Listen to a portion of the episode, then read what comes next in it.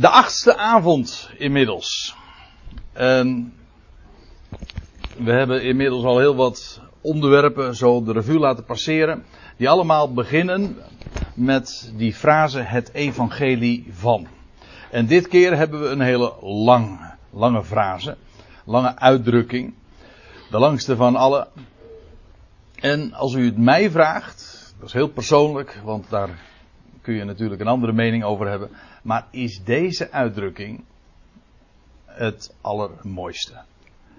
Van al die uitdrukkingen van het evangelie van overtreft deze niet alleen maar qua lengte de, de andere, maar ook qua betekenis. Maar misschien praat ik nu een beetje voor mijn beurt. Dat wil zeggen, uh, voordat u dat ook kunt beoordelen, moet u eerst is ook uw gedachten daarover kunnen laten vormen. Nou, ik stel voor dat we ons daar inderdaad dan eens uh, mee gaan bezighouden. We gaan straks dat Bijbelgedeelte ook lezen waar deze uitdrukking voorkomt. Het evangelie van de heerlijkheid van de gelukkige God. En uh, de, deze weergave is meteen ook de juiste. Dat klinkt wat, uh, wat parmantig misschien. Maar dat zullen we vanzelf straks ook nog wel zien. Want in de, gewoon, de gebruikelijke vertalingen vinden we hem net weer wat anders geformuleerd. En daardoor gaat er heel veel, van de heerlijkheid en van de glorie weer af, als u het mij vraagt. De vorige keer toen hebben we ons met een soortgelijk thema bezig gehouden. Dat wil zeggen dat voor een deel ook voor het, uh, hetzelfde geformuleerd is. Namelijk ook het evangelie van de heerlijkheid. Dat was 2 Korinthe 4, vers 4. Alleen werd dan die frase anders afgesloten. Toen ging het over het evangelie van de heerlijkheid van Christus. En wat die heerlijkheid van Christus is, nou dat staat er pal achter, namelijk die het beeld Gods is. Nou, dat is dus uh, het onderwerp van de vorige keer geweest. Christus als Gods icoon. Nu dus het evangelie van de heerlijkheid van de gelukkige God. En waar dat staat, dat is uh, niet makkelijk te vergeten, want uh, ja, het is erg eenvoudig. Want vier keer die één. 1 Timotheus 1 vers 11. Allemaal enen. En voordat we dat vers onder de loep gaan nemen, wil ik eerst eventjes ook iets van de context laten zien. De samenhang, hoe Paulus dat inleidt. En die is nou weer wat minder heerlijk, moet ik erbij zeggen. Want uh, Paulus heeft het dan in die voorgaande versen over alles wat, uh, wat niet strookt met de gezonde leer. En laat ik dan gewoon beginnen in vers 10, hoewel het rijtje al eerder aanvangt, in vers 9 als ik me niet vergis, of vers 8 misschien zelfs. Dan volgt een hele opsomming van allerlei praktijken die zo evident niet uh, juist en niet gezond zijn. Ik, zeg het expres even zo. Hij heeft het dan over hoereerders. En dat is wel uh, frappant. Dat woord wat daar staat in het Grieks, dat is pornos. En daar herkennen we natuurlijk direct ons woordje porno in, porneia. En dat, in dit geval gaat het over hoereerders. Je hebt hoeren en hoereerders. Maar dat is niet eens zozeer uh, het, be, het, betalen voor uh, seksuele praktijken, voor seksuele diensten. Als wel mannen die gemeenschap hebben met een ander dan de eigen vrouw. Dat is nu verder niet het onderwerp, maar je zou dat eens na moeten lezen in 1 Korinthe 6, dat Paulus het daar inderdaad over heeft over hoererij en wat dat voor een begrip is. En wat de betekenis daarvan is. Dan heeft hij het over knapenschenders. Dat is een woord wat we niet zoveel meer gebruiken. Als u trouwens hier in de, in de uh, leest, dan staat er homoseksuelen. Dat is eigenlijk wel apart. Want dat is letterlijk, als je het in zijn elementen uh, onderverdeelt, dan staat er mannelijk liggers. Dus degene die liggen bij mannen, dat is dan het idee. Maar waarbij dat liggers inderdaad ook nog mannelijk is. Homoseksuelen. Uh, dat is uh, wel interessant trouwens, want het eindigt met coitus. En dat herkennen wij nog weer in het woordje coitus. Hm? Geslachtsgemeenschap dus. Hoereerders, homoseksuele zielverkopers. Dat mensenhandelaren het begrip wordt wel uh, meer uh, gebruikt in het Nieuwe Testament. En het heeft inderdaad iets te maken met eh, mensen aan de voeten brengen. Dat wil zeggen vernederen, maar ook met hen verhandelen. Dus mensenhandelaar, kidnappers. Kidnappers, hoe zeg je dat? En leugenaars. Nou ja, het, het lijstje is nogal. Nou, dit is dan het einde al inmiddels zo'n beetje van, van de lijst. Maar uh, hij duurt. Paulus geeft een hele lange opzomming. Leugenaars, ook zoiets wat zo evident uh, ongezond is en waarvan iedereen weet dat dat niet correct is. Dat, mensen doen het weliswaar zelf, maar iedereen begrijpt dat als, je, als er tegen jou gelogen wordt, dan weet je dat het niet juist is. Want iedereen neemt het dan uh, een ander toch wel degelijk kwalijk. Leugenaars, dus een ver, ja, dat, het heeft met pseudo te maken, eh, vervalsen. Maar dat is precies wat toch een leugenaar is. Hij vervalst de boel. Dat is, geldt trouwens ook voor mijn edige. Dat is dan het laatste, de laatste categorie die Paulus dan zo opsomt. Mijn edigen. Iemand die dus mijn eed pleegt, ofwel een valse eedzweren. En in feite is dat ook een vorm van liegen. Een, uh, een hele kwalijke vorm zelfs. Die voor de rechter uh, ook zeer zwaar weegt. Een valse eed zweren. Nou, en dan zegt Paulus, daar eindigt hij dan mee. Ik heb even getwijfeld of ik deze woorden nog even erbij zou betrekken in de bespreking, want het heeft natuurlijk helemaal niks te maken met het evangelie van de heerlijkheid van de gelukkige God. En toch, ik heb het met opzet toch er nog even bij gedaan om even een, een indruk te geven van waar Paulus het over heeft. En om ook het contrast te laten zien. Want dan zegt hij, en al wat verder ingaat tegen, of en indien er nog iets anders soortig indruist tegen, en dat zijn, waarmee Paulus dus aangeeft, de lijst is nog aanzienlijk langer te maken. Maar het druist in tegen, en nou komen we zo toch echt wel richting ons onderwerp, tegen de gezonde leer. De gezond zijnde onderwijzing. Wat, uh, het, dat geeft dus de kwaliteit aan van het onderwijs, namelijk het is gezond. En alles wat hier nu tot dusver dus door Paulus was opgezond, daarvan zegt hij het strookt niet, deze gedragingen, of mensen die zulke dingen praktiseren, dat strookt niet met het gezonde onderwijs. We vinden daar trouwens een positief voorbeeld van in Titus 2 vers 1. Daar neem ik u ook nog even mee naartoe. Daar zegt Paulus tegen Titus, maar jij, maar jij, kom uit voor hetgeen met de gezonde leer strookt. Hier ook weer exact dezelfde uitdrukking, de gezond zijnde onderwijzing, de gezonde leer. Dat wat onderwezen wordt dus, dat is de leer. Dat wat geleerd wordt. Wel, uh, dat het, wat Paulus hier tegen Titus trouwens zegt, is niet zozeer in dit verband onderwijs de gezonde leer, maar onderwijs kom uit voor hetgeen ook strookt. In overeenstemming is met, of wat de gezonde leer betaamt, wat daarbij past.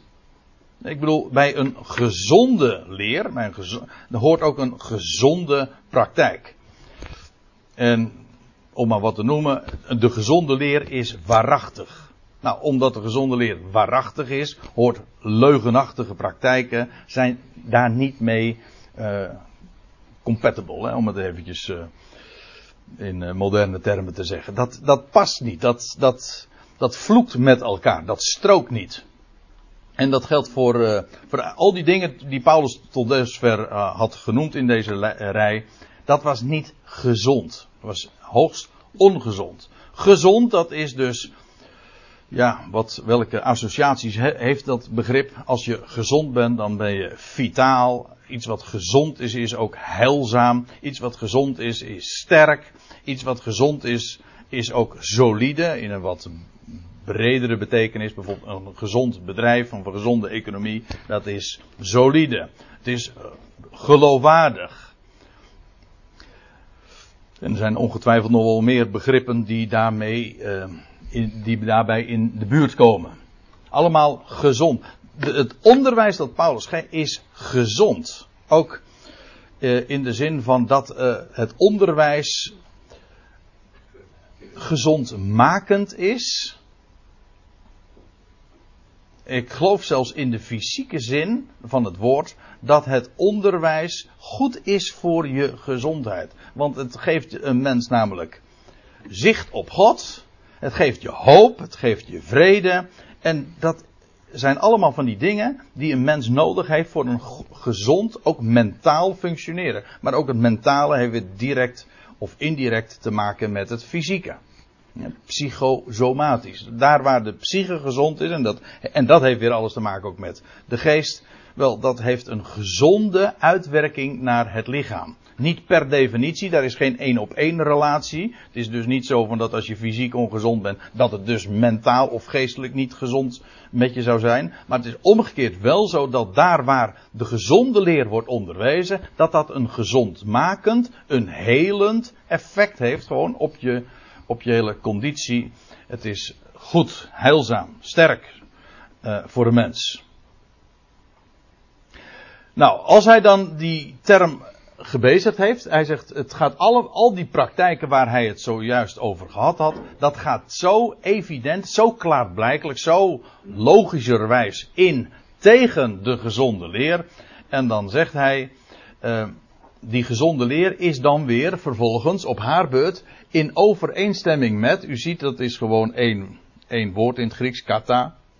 Overeenkomstig betekent dat, of naar de gezonde leer naar of in overeenkomstig het evangelie van de heerlijkheid. Het goede bericht van de heerlijkheid of van de glorie.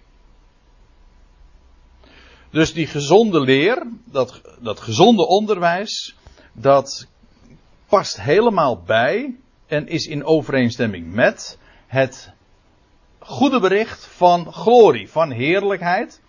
En hoezo heerlijkheid? Het is, dat heerlijkheid en goed bericht met elkaar te maken heeft, dat is logisch. Hè? Je, je hebt aan de ene kant uh, dus de gedachte van er wordt iets doorgegeven, een blijde mededeling, een goed bericht. En dat goede bericht dat heeft te maken met, met glorie, met heerlijkheid. Met, nou herinner ik me ineens de vorige keer ook weer, toen hebben we het natuurlijk ook al gehad over het evangelie van de heerlijkheid. En toen zagen we vooral die associatie tussen uh, aan de ene kant heerlijkheid en aan de andere kant met licht. In 2 Korinthe 3 zie je, worden die begrippen zelfs onderling, uh, zijn die begrippen onderling uitwisselbaar. De heerlijkheid op Mozes aangezicht. Dat was gewoon het licht dat hij gaf. En licht heeft weer alles te maken met leven. En zo kom je uh, bij uh, een afbakening van dat begrip. Het is een, die gezonde leer, het is een overeenstemming met het, het goede bericht van de heerlijkheid. De heerlijkheid van wat dan? Nou, dat is dan de, de volgende uitdrukking. En nou zijn we echt bij de kern van, de, uh, van het begrip gekomen, van die uitdrukking waar we, vanavond het over hebben. Het is het goede bericht van de heerlijkheid van de zalige God. En hier zie je dus uh, waarin het thema, zoals ik het op die eerste dia aangaf, afwijkt uh, van, van deze aanduiding. Want uh, zowel de Statenvertaling als de MBG-vertaling, ik heb het eigenlijk niet in andere vertalingen nagekeken, bijvoorbeeld in de nieuwste, de MBV. Heeft iemand die toevallig? Nee, maar echte Bijbelstudenten gebruiken de, die vertaling natuurlijk niet. Hm? Ja, nee, dat is geen belediging als u er wel eentje hebt hoor. Nou ja. Nu is het vervolgens heel erg moeilijk om daar nog uh, vooruit te komen natuurlijk. Maar nee, ik bedoel dit te zeggen, die MBV-vertaling, ja, die wijkt natuurlijk nogal uh, sterk af van, van de letterlijke weergave. Maar het kan soms zomaar gebeuren dat uh, in die vrije weergave, dat ze dan toch de, de juiste term ervoor hebben gevonden. Zalig is natuurlijk erg oud-Nederlands, toch wel, want we gebruiken het in het gewone spraakgebruik domweg niet meer. En dat heeft. In de Statenvertaling is het trouwens helemaal verwarrend. Want in de Statenvertaling is het woordje zalig en zaligheid. Uh, een vertaalwoord voor twee totaal verschillende begrippen. Aan de ene kant is dat het, de vertaling van dit woord. Het Griekse woord makarion, ik, waarover straks meer. En aan de andere kant is zaligheid ook nog eens een keer de, verta de vertaling, het vertaalwoord voor uh, redding of behoudenis. En dat zijn twee totaal verschillende begrippen. Maar ze hebben die twee totaal verschillende begrippen hebben één vertaalwoord. Ja, en dat is buitengewoon lastig. Maar, zoals gezegd, de Statenvertaling en de NBG-vertaling kiezen hier voor de zalige God. In het Grieks staat hier Makarion. En ik zal u even een plaatje geven van een concordantie. In dit geval van het ISA-programma. En dat is mooi. Dan kun je gewoon op dit, op dit strongnummer, in dit geval, uh, al die Griekse woorden zijn, zoals uh, de meesten van u wel zullen weten, zijn gecodeerd. En dat heet dan een strongnummer. En dat woord, dit Griekse woord, dat komt uh, eh, 52 keer voor. En nou ja, in verschillende vervoegingen, maar dat is nu even niet interessant. En in de, in de concordante versie wordt dat uiteraard concordant als het is, eensluidend weergegeven, namelijk met gelukkig. En in de NBG-vertaling wordt het vrijwel altijd met zalig weergegeven. Dat zou concordant zijn, maar dus niet altijd. Dat geldt trouwens ook voor de Statenvertaling, want die wijkt ook een paar keer af. Die, dan kiezen ze niet voor het woordje zalig, maar dan weer wel voor gelukkig. Ziet het? Hier één keer met gelukkig en één keer met gelukkiger. En ik stel voor dat we daar even naartoe gaan. Makarion. In de Statenvertaling, daar staat in vers 2 van Handelingen 26, dan zegt Paulus, als hij dan voor koning Agrippa staat. Ik acht mijzelf gelukkig, o koning Agrippa, dat ik mij heden voor u zal verantwoorden. Hier staat exact hetzelfde woord, wat we ook dus tegenkomen in uh, 1 Timotheüs 1 vers 11. En zowel de Statenvertaling als de NBG-vertaling vertalen het hier met gelukkig. Dat is inderdaad de weer, weergave, want bij, als, als ze hier hadden weergegeven zalig, dan zeggen we nou, dat past niet. Dat klopt. Maar waarom heeft men dan niet gewoon consequent dan dit woord zo weergegeven? Want zalig heeft toch uh, ook bij ons de associatie van een wat vroom, geestelijk, godsdienstig gereserveerd begrip. Terwijl het dat niet is. Hier wordt het gewoon in een hele alledaagse zin des woords gebezigd. En daardoor krijgt zalig, in mijn oren heeft het, ik weet niet hoe het bij u is, bij mij heeft zalig zelfs een heel, uh, sorry dat ik het zo zeg, roomse klank. Zalig kerstfeest, zegt de paus dan, hè, op het. Uh, zalig, ja. Nou ja, wij kunnen het in profane zin ook wel gebruiken. En zeggen een zalige maaltijd. En, uh, maar wij mochten dat vroeger thuis uh, niet zeggen. Een zalige maaltijd, want ja, zalig, dat, dat, dat gebruik je niet voor je maaltijd natuurlijk. Hè?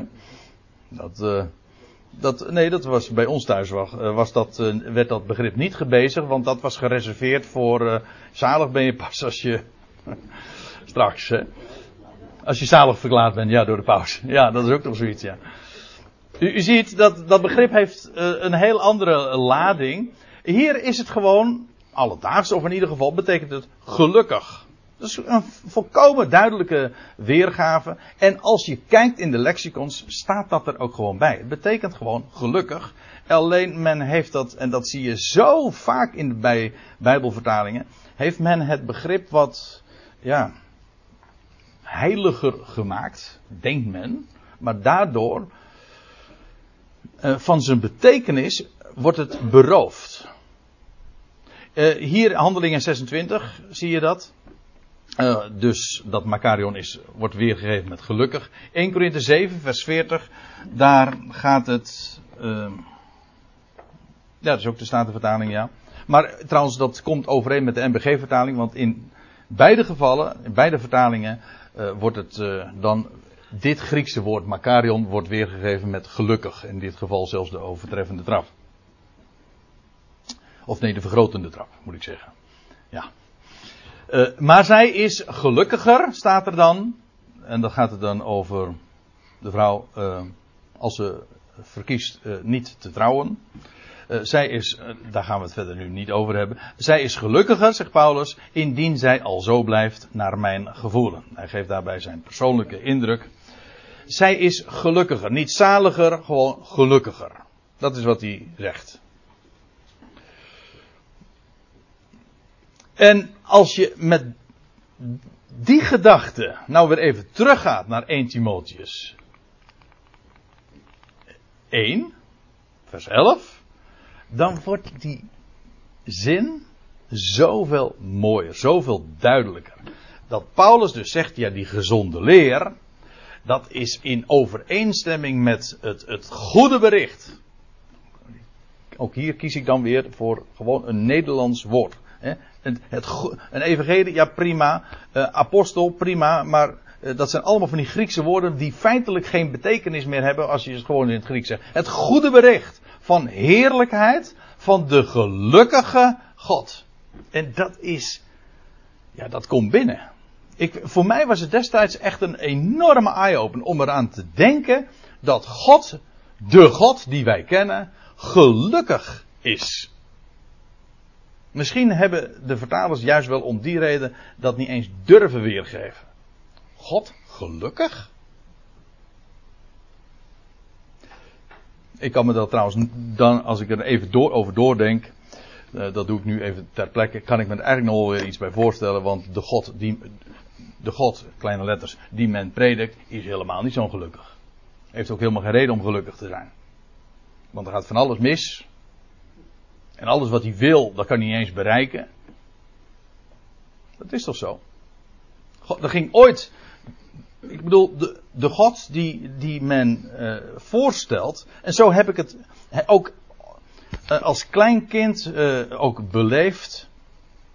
als je dan in de kerk zat. En er werd verteld over ja, dat heilsplan van God.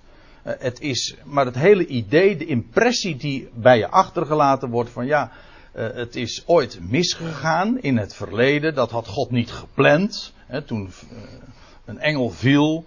En nou ja, vervolgens de mensen aten van de verboden vrucht. Dat was ook al niet gepland. Nou ja, en toen moest God vervolgens. Dat is op zich al dramatisch, hè? Want God is dan niet gelukkig. Dan is hij een loser. Dat is volgens mij precies tegenovergestelde. Die, die mist dan zijn doel. Hij heeft de controle niet over de gang van zaken. En dan vervolgens, ja, probeert hij, let op, probeert hij te redden wat er te redden valt. Maar voor een groot deel van zijn geliefde schepselen, want dat gelooft men wel, ja, die zijn uh, voor eeuwig, eindeloos bedoelt men daarmee, uh, onbereikbaar geworden voor zijn liefde. Is dat gelukkig? Nee. Dus misschien om, ik weet het niet, ik zit nu hard op te denken, u mag er anders over denken. Maar dat men uh, dat woordje gelukkig hier uh, zo ongepast vond, uh, zo gelukkig is God niet. We laten hem maar zalig maken. Zoiets. Zalig verklaren. Zalig verklaren, ja. Zoiets. Maar de gelukkige God. en bij het woordje gelukkig, dat is in Nederlands heel mooi. Want dat heeft te maken met, het is afgeleid van het werkwoord, of omgekeerd, dat, dat blijf ik vanaf. Wat nou vader of, en wat zoon is, dat weet ik niet, maar in ieder geval het is familie. Uh, dat is, het gelukkig komt van gelukken of lukken. In de zin dus van welslagen. Als het ietsje gelukt, dan is het in de roos. De bullseye dan is het gewoon trefzeker. In het Engels zeggen ze dan luck of lucky. Ik, eh, ik, heb het nog eens in het etymologisch woordenboek nagekeken. Maar uh, lucky is, heeft exact dezelfde uh, oorsprong als het woordje happy. En luck, ja, dat heeft daar dus ook weer mee te maken met lukken. En toen zat ik er nog eventjes door te bladeren. En toen kwam ik op luk raak. En die vond ik helemaal mooi. Want dat, dan zie je beide begrippen ineens bij luck, iets wat gelukt is, en wel ook raak is. Oftewel, doel getroffen heeft. Feitelijk is het, als je het zo bekijkt, een soort pleonasme of zo. Hè? Luk, raak. Iets, het gelukt en daarmee is het dus raak. Doeltreffend. De gelukkige God heeft daar inderdaad alles mee te maken. Ik wil het straks ook laten zien. Uh, maar ik wil eerst nog eventjes uh, deze tekst, dat 1 Timotheüs 1 vers 11 nog even afronden in de bespreking. Want wat Paulus zegt, is dat hij dus uh, ja, het heeft over de, het, het goede bericht van de heerlijkheid van de gelukkige God. En daarvan, daarvan zegt hij dan dat mij werd toevertrouwd. Welke mij toevertrouwd werd. En als je nog even een paar versen doorbladert, dan kom je dat weer tegen. In, ja, dan kom je in hoofdstuk 2 uit en dan lees je dit. Dat Paulus dit zegt. En laat ik het gewoon voorlezen, langzaam. Dan zegt hij, God, onze redder, dat woorden die ik cursief heb, die, heb, die wijken af van de MBG-vertaling, maar uh, zijn, sluiten aan bij wat er letterlijk staat. God, onze redder, die wil dat alle mensen gered worden. En tot besef van de waarheid komen. Want, zegt hij, er is één God. En ook één middelaar van God en mensen. Namelijk de mens Christus Jezus. Die zich gegeven heeft tot een losprijs voor allen. En daarvan wordt getuigd te juiste tijd. Of het getuigenis te juiste tijd, te rechter tijden. En, dan, en waarom uh, haal ik deze woorden aan? Wel omdat hij dan vervolgens in vers 7 zegt: En ik ben daartoe als een heraut en apostel gesteld. Dus een paar versen eerder in hoofdstuk 1 vers 11 zei hij dus het evangelie dat mij is toevertrouwd. Het, e, het goede bericht van de heerlijkheid van de gelukkige God. En nu zegt hij, ja ik ben, ik ben daartoe als een heraut en als een apostel gesteld. Oftewel, eh, hier weer apostel of een afgevaardigd. Hiertoe afgevaardigd. En om dat mede te delen, om dat bekend te maken en om dat nog eens te onderstrepen, zit, staat nu tussen haakjes, dan zegt hij, ik spreek waarheid, geen leugen. Dit is een, ik zeg wel eens over deze vers, het is feitelijk een, wat wij dan een mission statement noemen. Hier geeft hij in een paar pennenstreken weer waartoe hij gezonden is, waartoe hij is afgevaardigd en wat hij nou te herauten heeft, wat hij mede te delen heeft. Aan wie? Wel, aan wie onderwijst hij dit? Dat gezonde onderwijs, wel als een leermeester van natieën. In geloof en waarheid. Het is waarachtig, het is betrouwbaar. Geloof. Maar hier zie je in deze verse ook schitterend tot uitdrukking komen wat het goede bericht van de heerlijkheid van de gelukkige God is. Hoezo God gelukkig? Wel, hij is een redder. Hij is onze redder. En hij wil dat alle mensen gered worden. En aangezien er maar één God is, en hij dus door niets en niemand geblokkeerd kan worden of tegengehouden kan worden, zal hij daar ook in slagen. Daarom is dit ook uh, dat is de logica die voortvloeit uit het feit dat er één God is. Bovendien, er is ook één middelaar van God en mensen, namelijk de mens, Christus Jezus. En die gaf zichzelf tot een losprijs, dat wil zeggen een prijs om los te kopen, tot loskoping van, tot loskoping voor allen. Hier, deze allen komen over uiteraard overeen met deze allen. God wil, hij, God is redder. En hoe redt hij wel? Door die losprijs die betaald is voor allen. Eén de prijs die betaald werd, dat lijkt me duidelijk. Dat is, hij stierf. Hij stierf hij, de prijs die hij betaalde was zijn eigen leven. En de verlossing is uiteraard dat hij daardoor leven aan het licht bracht. En daardoor alle mensen ook daadwerkelijk verlost en echt leven geeft. Namelijk dat wat de derde dag, drie dagen later, aan het licht trad. En Paulus zegt, dat is de boodschap die ik te melden. Daarvan ben ik een heraut. Dat is wat ik uitbazuin en dat is waar ik toe afgevaardigd ben. al om dat aan de natieën bekend te maken. Dus ja, als hij dan zo zegt, ik, eh, dat evangelie, het, uh, het goede bericht van de heerlijkheid van de gelukkige God is mij toevertrouwd. Ja, dat is dan duidelijk, want uh, een paar versen later dan licht hij dat ook uitgebreid zo ook toe. Goed, eventjes nog een kort overzicht. De, de, essentie van die uitdrukking in 1 Timotheus 1 vers 11 is dus de gelukkige God. Het is het goede bericht van de heerlijkheid, maar van wat dan wel? Hoezo goed bericht? Nou, omdat het spreekt van heerlijkheid. En hoezo heerlijkheid? Wel, het is de heerlijkheid van de gelukkige God. Dat is de essentie. God is gelukkig. En we zullen daar uh, vanavond wellicht nog uh, op andere wijze ook bij bepaald worden. Kijk, God kent als geen ander het lijden. Toch is God gelukkig. Het is zelfs nog sterker. Je leest in 2 Korinthe 1 dat God medeleidt. Wat een, ook een, eh, op zich een hele logische gedachte is. Want hij, God heeft deze wereld lief, deze schepping lief. Deze schepping leidt. En dus leidt God mee. Dat is toch wat meelijden eigenlijk ook is. Met wie leid je mee? Wel met degene die jij lief hebt. Sterker nog, het, dat, mee, dat meelijden kan zelfs nog zwaarder zijn dan het lijden van de persoon die jij lief hebt. Als je een, een, moeder, die, elke moeder die uh, met een moederhart die zal herkennen wat ik nu zeg, denk ik zo. Een vader misschien iets minder, ik weet het niet. Maar in elk geval, dat als je je kind ziet lijden, dat gaat je zo aan het hart.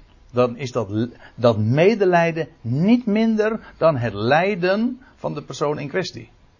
En dan te bedenken dat deze schepping, ik heb daar juist vorige week toen ik een begrafenisdienst mocht doen in Bodegraven, nogal, uh, ja, ik heb er sterk over nagedacht, vaak overwogen, ik heb de schrift erop nageslagen, maar dat ging toen over die tekst Romeinen 8 vers 18.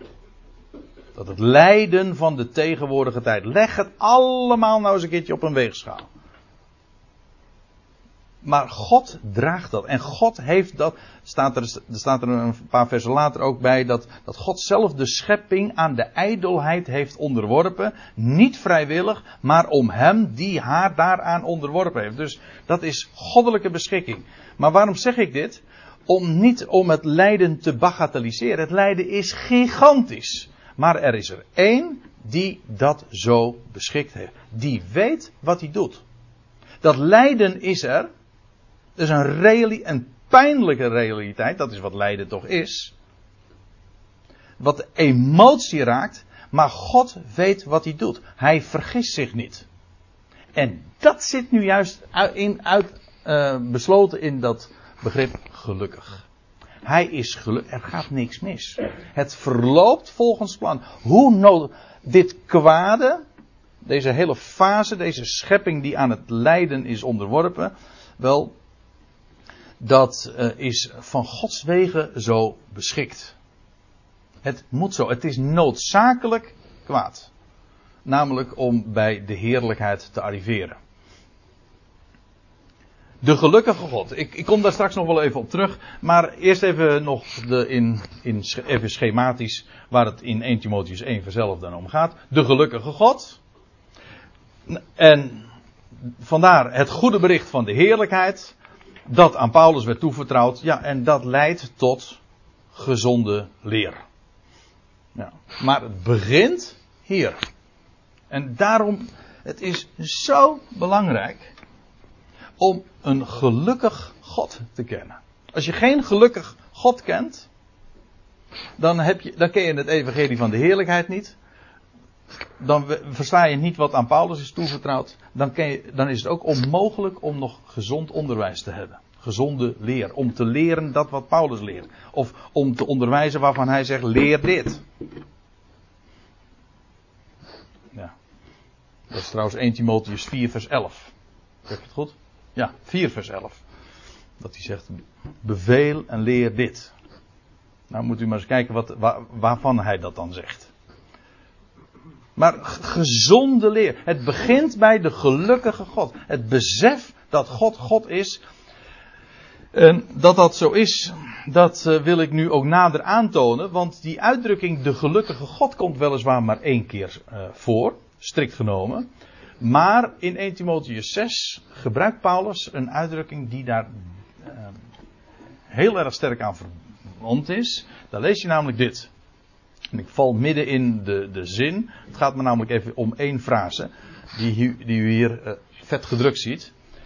Dan zegt Paulus, welke te zijner tijd de zalige en enige heerser zal doen aanschouwen, de koning der koningen en de Heere der heren. Maar hier heb je weer exact hetzelfde verhaal als wat ik zojuist al zei over dat woord zalig. Hier staat weer dat woordje Makarion, de gelukkige. Welke te zijner tijd de gelukkige en enige heerser. En dan nog wat over dat woordje heerser. Mooi. Dunatis. Daar zit het woordje. Je herkent trouwens ook nog het woordje dynamis. En dat betekent vermogend. En dunatis, dat is wat hier vertaald wordt met heersen. Of machthebber. Maar letterlijk is het de vermogende. Vandaar dat dynamisch heeft te maken met vermogen. En, en, dit begrip is dus de, de persoon die vermag, is de vermogende. In de Concordant Version wordt het met potentate uh, vertaald. Machthebber. Dit, eigenlijk vind ik deze nog het allermooiste. Gewoon de meest letterlijke weer. De vermogende. En dan nog even de enige vermogende. In de absolute zin is hij de vermogende God. Dat wil zeggen, als ik zeg absoluut, hij vermag alles. Er is maar één werkelijk in de absolute zin vermogend. Natuurlijk, je kunt, alle, je kunt ook creaturen en schepselen en mensen aanwijzen die vermogend zijn. Dat kan om geld te gaan. Of in andere opzicht vermogend. Mensen kunnen van alles. Hè. Dat wat je vermag te doen. Qua kracht of qua sportiviteit of qua, nou ja, noem maar wat. Qua intellectuele prestaties. Dat, zijn, dat is allemaal vermogen. Maar elk schepsel is per definitie daarin uiteraard beperkt. Maar er is maar één vermogende. In één vermogen in de, in de absolute zin van het woord. Namelijk die alles vermag. En dat is dus de gelukkige en enige vermogende. De vermogende zou je dan in dit geval eigenlijk ook met een hoofdletter moeten schrijven. Namelijk, het is een aanduiding van God zelf. Hij is de gelukkige en enige vermogende. En dan komen we meteen ook weer een stapje dichterbij de betekenis. Voor zover het begrip gelukkig al niet op zich duidelijk genoeg is, komen we hier wat dichterbij. Want hier wordt God zelf dus, voor de tweede keer in dezelfde brief, door Paulus, de gelukkige genoemd. 1 Timotheus 1 vanzelf, de gelukkige God. En hier de gelukkige en enige vermogende. Of ja, de, ja, en enige vermogende, dat is het. Enige. Mono. Eerder trouwens in deze brief uh, had Paulus ook al, al gesproken. Dat is trouwens ook uh, hoofdstuk 1, vers 17. Ja, daar lezen we. Ik heb er geen plaatje van, maar er staat: De koning der Ionen de onvergankelijke, de onzienlijke, de enige God. Hier staat in het Grieks monotheos. Ons woordje monotheïsme is daarvan afgeleid. De enige God. Zij eer en heerlijkheid tot in de Ionen der Ionen. Hij is de koning der Ionen. Hij heerst over de Ionen. Hij beheerst de Ionen. Hij is de onvergankelijke, de onzienlijke, maar ook de enige God. Er is geen ander dus. En daarom, hij is de enige die alles vermag. Denk erover na. Dan begrijp je ook waarom hij gelukkig is. Beide begrippen zijn aan elkaar gekoppeld. Ja, door een koppelwerkwoord. En wat soms ook gewoon de betekenis heeft van namelijk. De gelukkige, namelijk de enige vermogende God. In, in, hoezo de enige? Wel, de enige in de absolute zin. vermogende God. En omdat hij alles vermag, is er niets wat hem tegenhoudt in dat wat hij wil. Wat hij wil, wat hij verlangt, dat kan hij ook doen. En eh, het is geen Bijbeltekst, maar ik eh, citeer de woorden graag. Het is een bekend lied. En dat wordt dan zo uitgedrukt. Ik denk dat het maar zelden geloofd wordt als, er, als het erop aankomt. Maar het is zo mooi. Wat zijn liefde wil bewerken, ontzegt hem zijn vermogen niet. Het eerste is, duidt aan dat zijn hart hem dingen ingeeft. Maar dat is, hij kan daarin niet gefrustreerd raken. Want hij is bij machten dat wat, waar zijn hart naar uitgaat, wat zijn liefde wil, God is liefde. Heel zijn handelen wordt daardoor gekarakteriseerd. Hij is liefde. En hij wil daarom ook alle mensen redden. Want zijn barmhartigheid, dat zegt de psalmist al, zijn barmhartigheid, zijn ontferming gaat uit over al zijn werken. Het is zijn zijn werken. Het is zijn schepsel. Hij heeft het lief. Daarom wil hij alle mensen redden. En omdat hij alle mensen wil redden, wat zijn liefde wil, ont, wil bewerken, ontzegt hem zijn vermogen niet.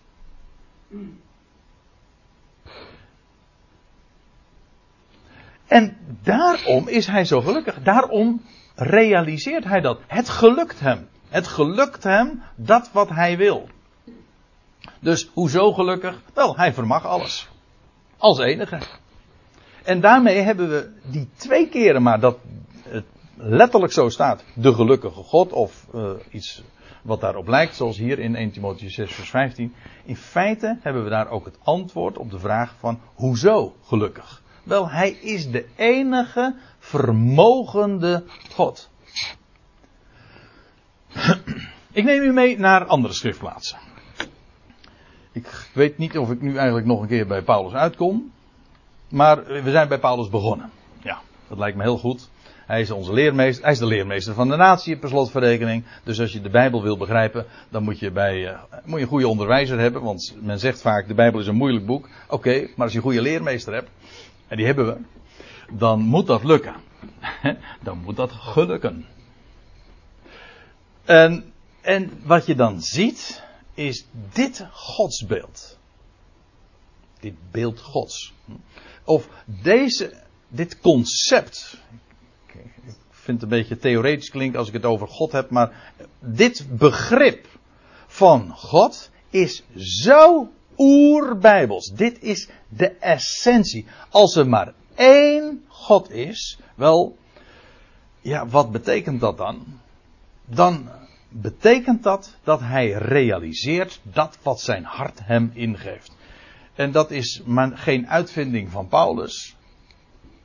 Paulus staat daarmee op, op, op de bodem ook van de Hebreeuwse Bijbel. Dit hoort gewoon bij het ABC van het begrip van wie God is. En zelfs, dat klinkt wat oneerbiedig, maar wat God is. Wat betekent het nou dat God God is? We hebben het uh, al een keertje eerder, geloof ik ook in deze serie, uh, even besproken. Dat woordje God en dat dat te maken heeft met het werkwoord plaatsen, stellen, dus de plaatser. Maar we zullen het ook vanuit het uh, Hebreeuws hetzelfde kunnen bezien. Laten we even naar Jesaja 46 toe gaan. Jesaja 46 vers 9, daar zegt Paulus, oh nee Paulus, Jesaja uiteraard. Ik immers ben God en er is verder geen ander. Zo staat het er eigenlijk. En er is verder geen ander God. En niemand is mij gelijk. Ik de enige. Dit zijn trouwens uh, zinnen die je met name in, in het boek Jezaja zo vaak vindt. Ik ben God. Ik en geen ander. Ik deel mijn eer met niemand anders. Er is er maar, maar één. Maar juist omdat er maar één is, is hij ook werkelijk God? Want je zou er toch niet aan moeten denken dat er twee zijn. Of drie. Om eventjes uh, bij die telling dan maar te beperken.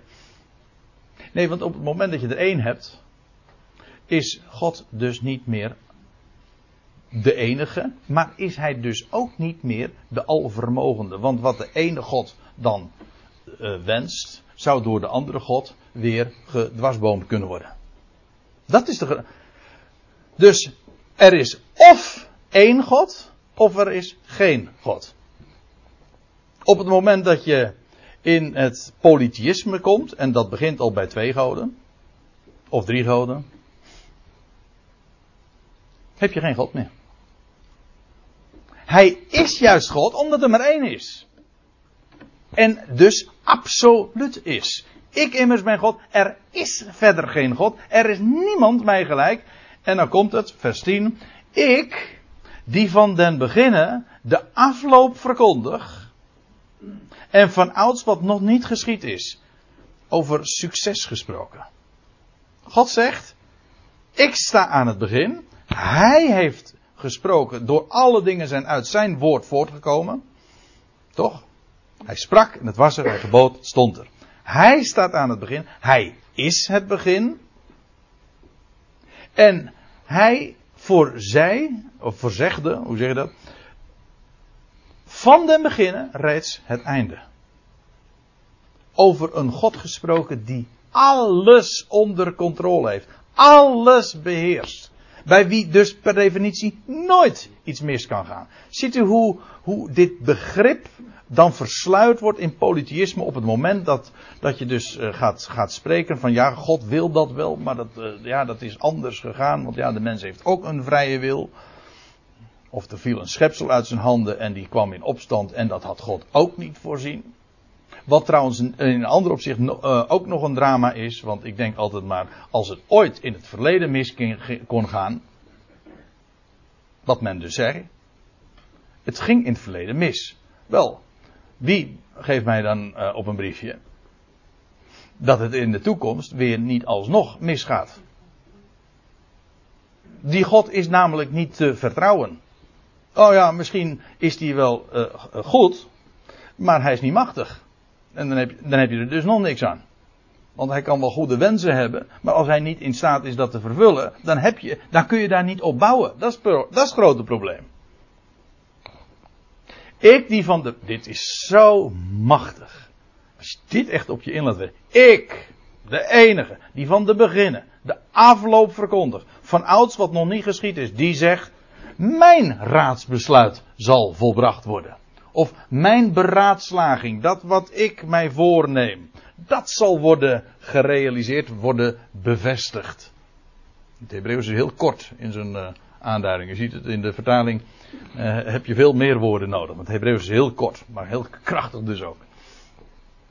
Mijn beraadslaging wordt bevestigd. En ik zal al mijn welbehagen doen. Nou, welbehagen, dat is dus gewoon mijn verlangen. Dus wat God verlangt, dat doet Hij. Ik doe mijn, al mijn verlangen. Ik doe niet mijn verlangen, nee, ik doe al mijn verlangen. Al, dat wil betekenen dus, alles wat ik verlang, dat doe ik. Ja, dat is God. Dit is toch precies wat Paulus zegt in 1 Timotheus 1 vers 11. De gelukkige God. Oké, Paulus die zet dat nog nader uiteen. Hij, hij, hij spreekt over hoe dat gerealiseerd wordt met die universele verzoening, de universele redding en rechtvaardiging enzovoort. Dat vind je bij hem. Maar de essentie, namelijk de basis daarvan, vind je gewoon al in, in, op elke bladzijde van de Bijbel als, als God aan het woord is, als gesproken wordt over God. Hij is degene die al zijn verlangen realiseert, doet. Job 42. En daarmee slaan wij dus 41 hoofdstukken over. In dat boek.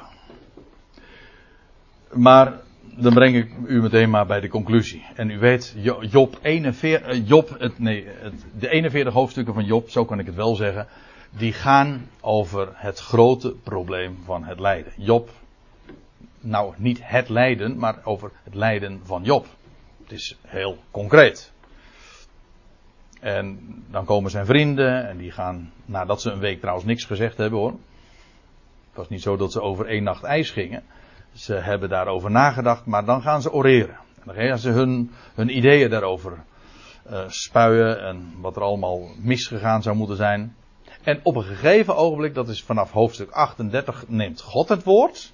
En het meest bijzondere van, uh, van dat antwoord dat God geeft, is dat het geen antwoord is. Nee.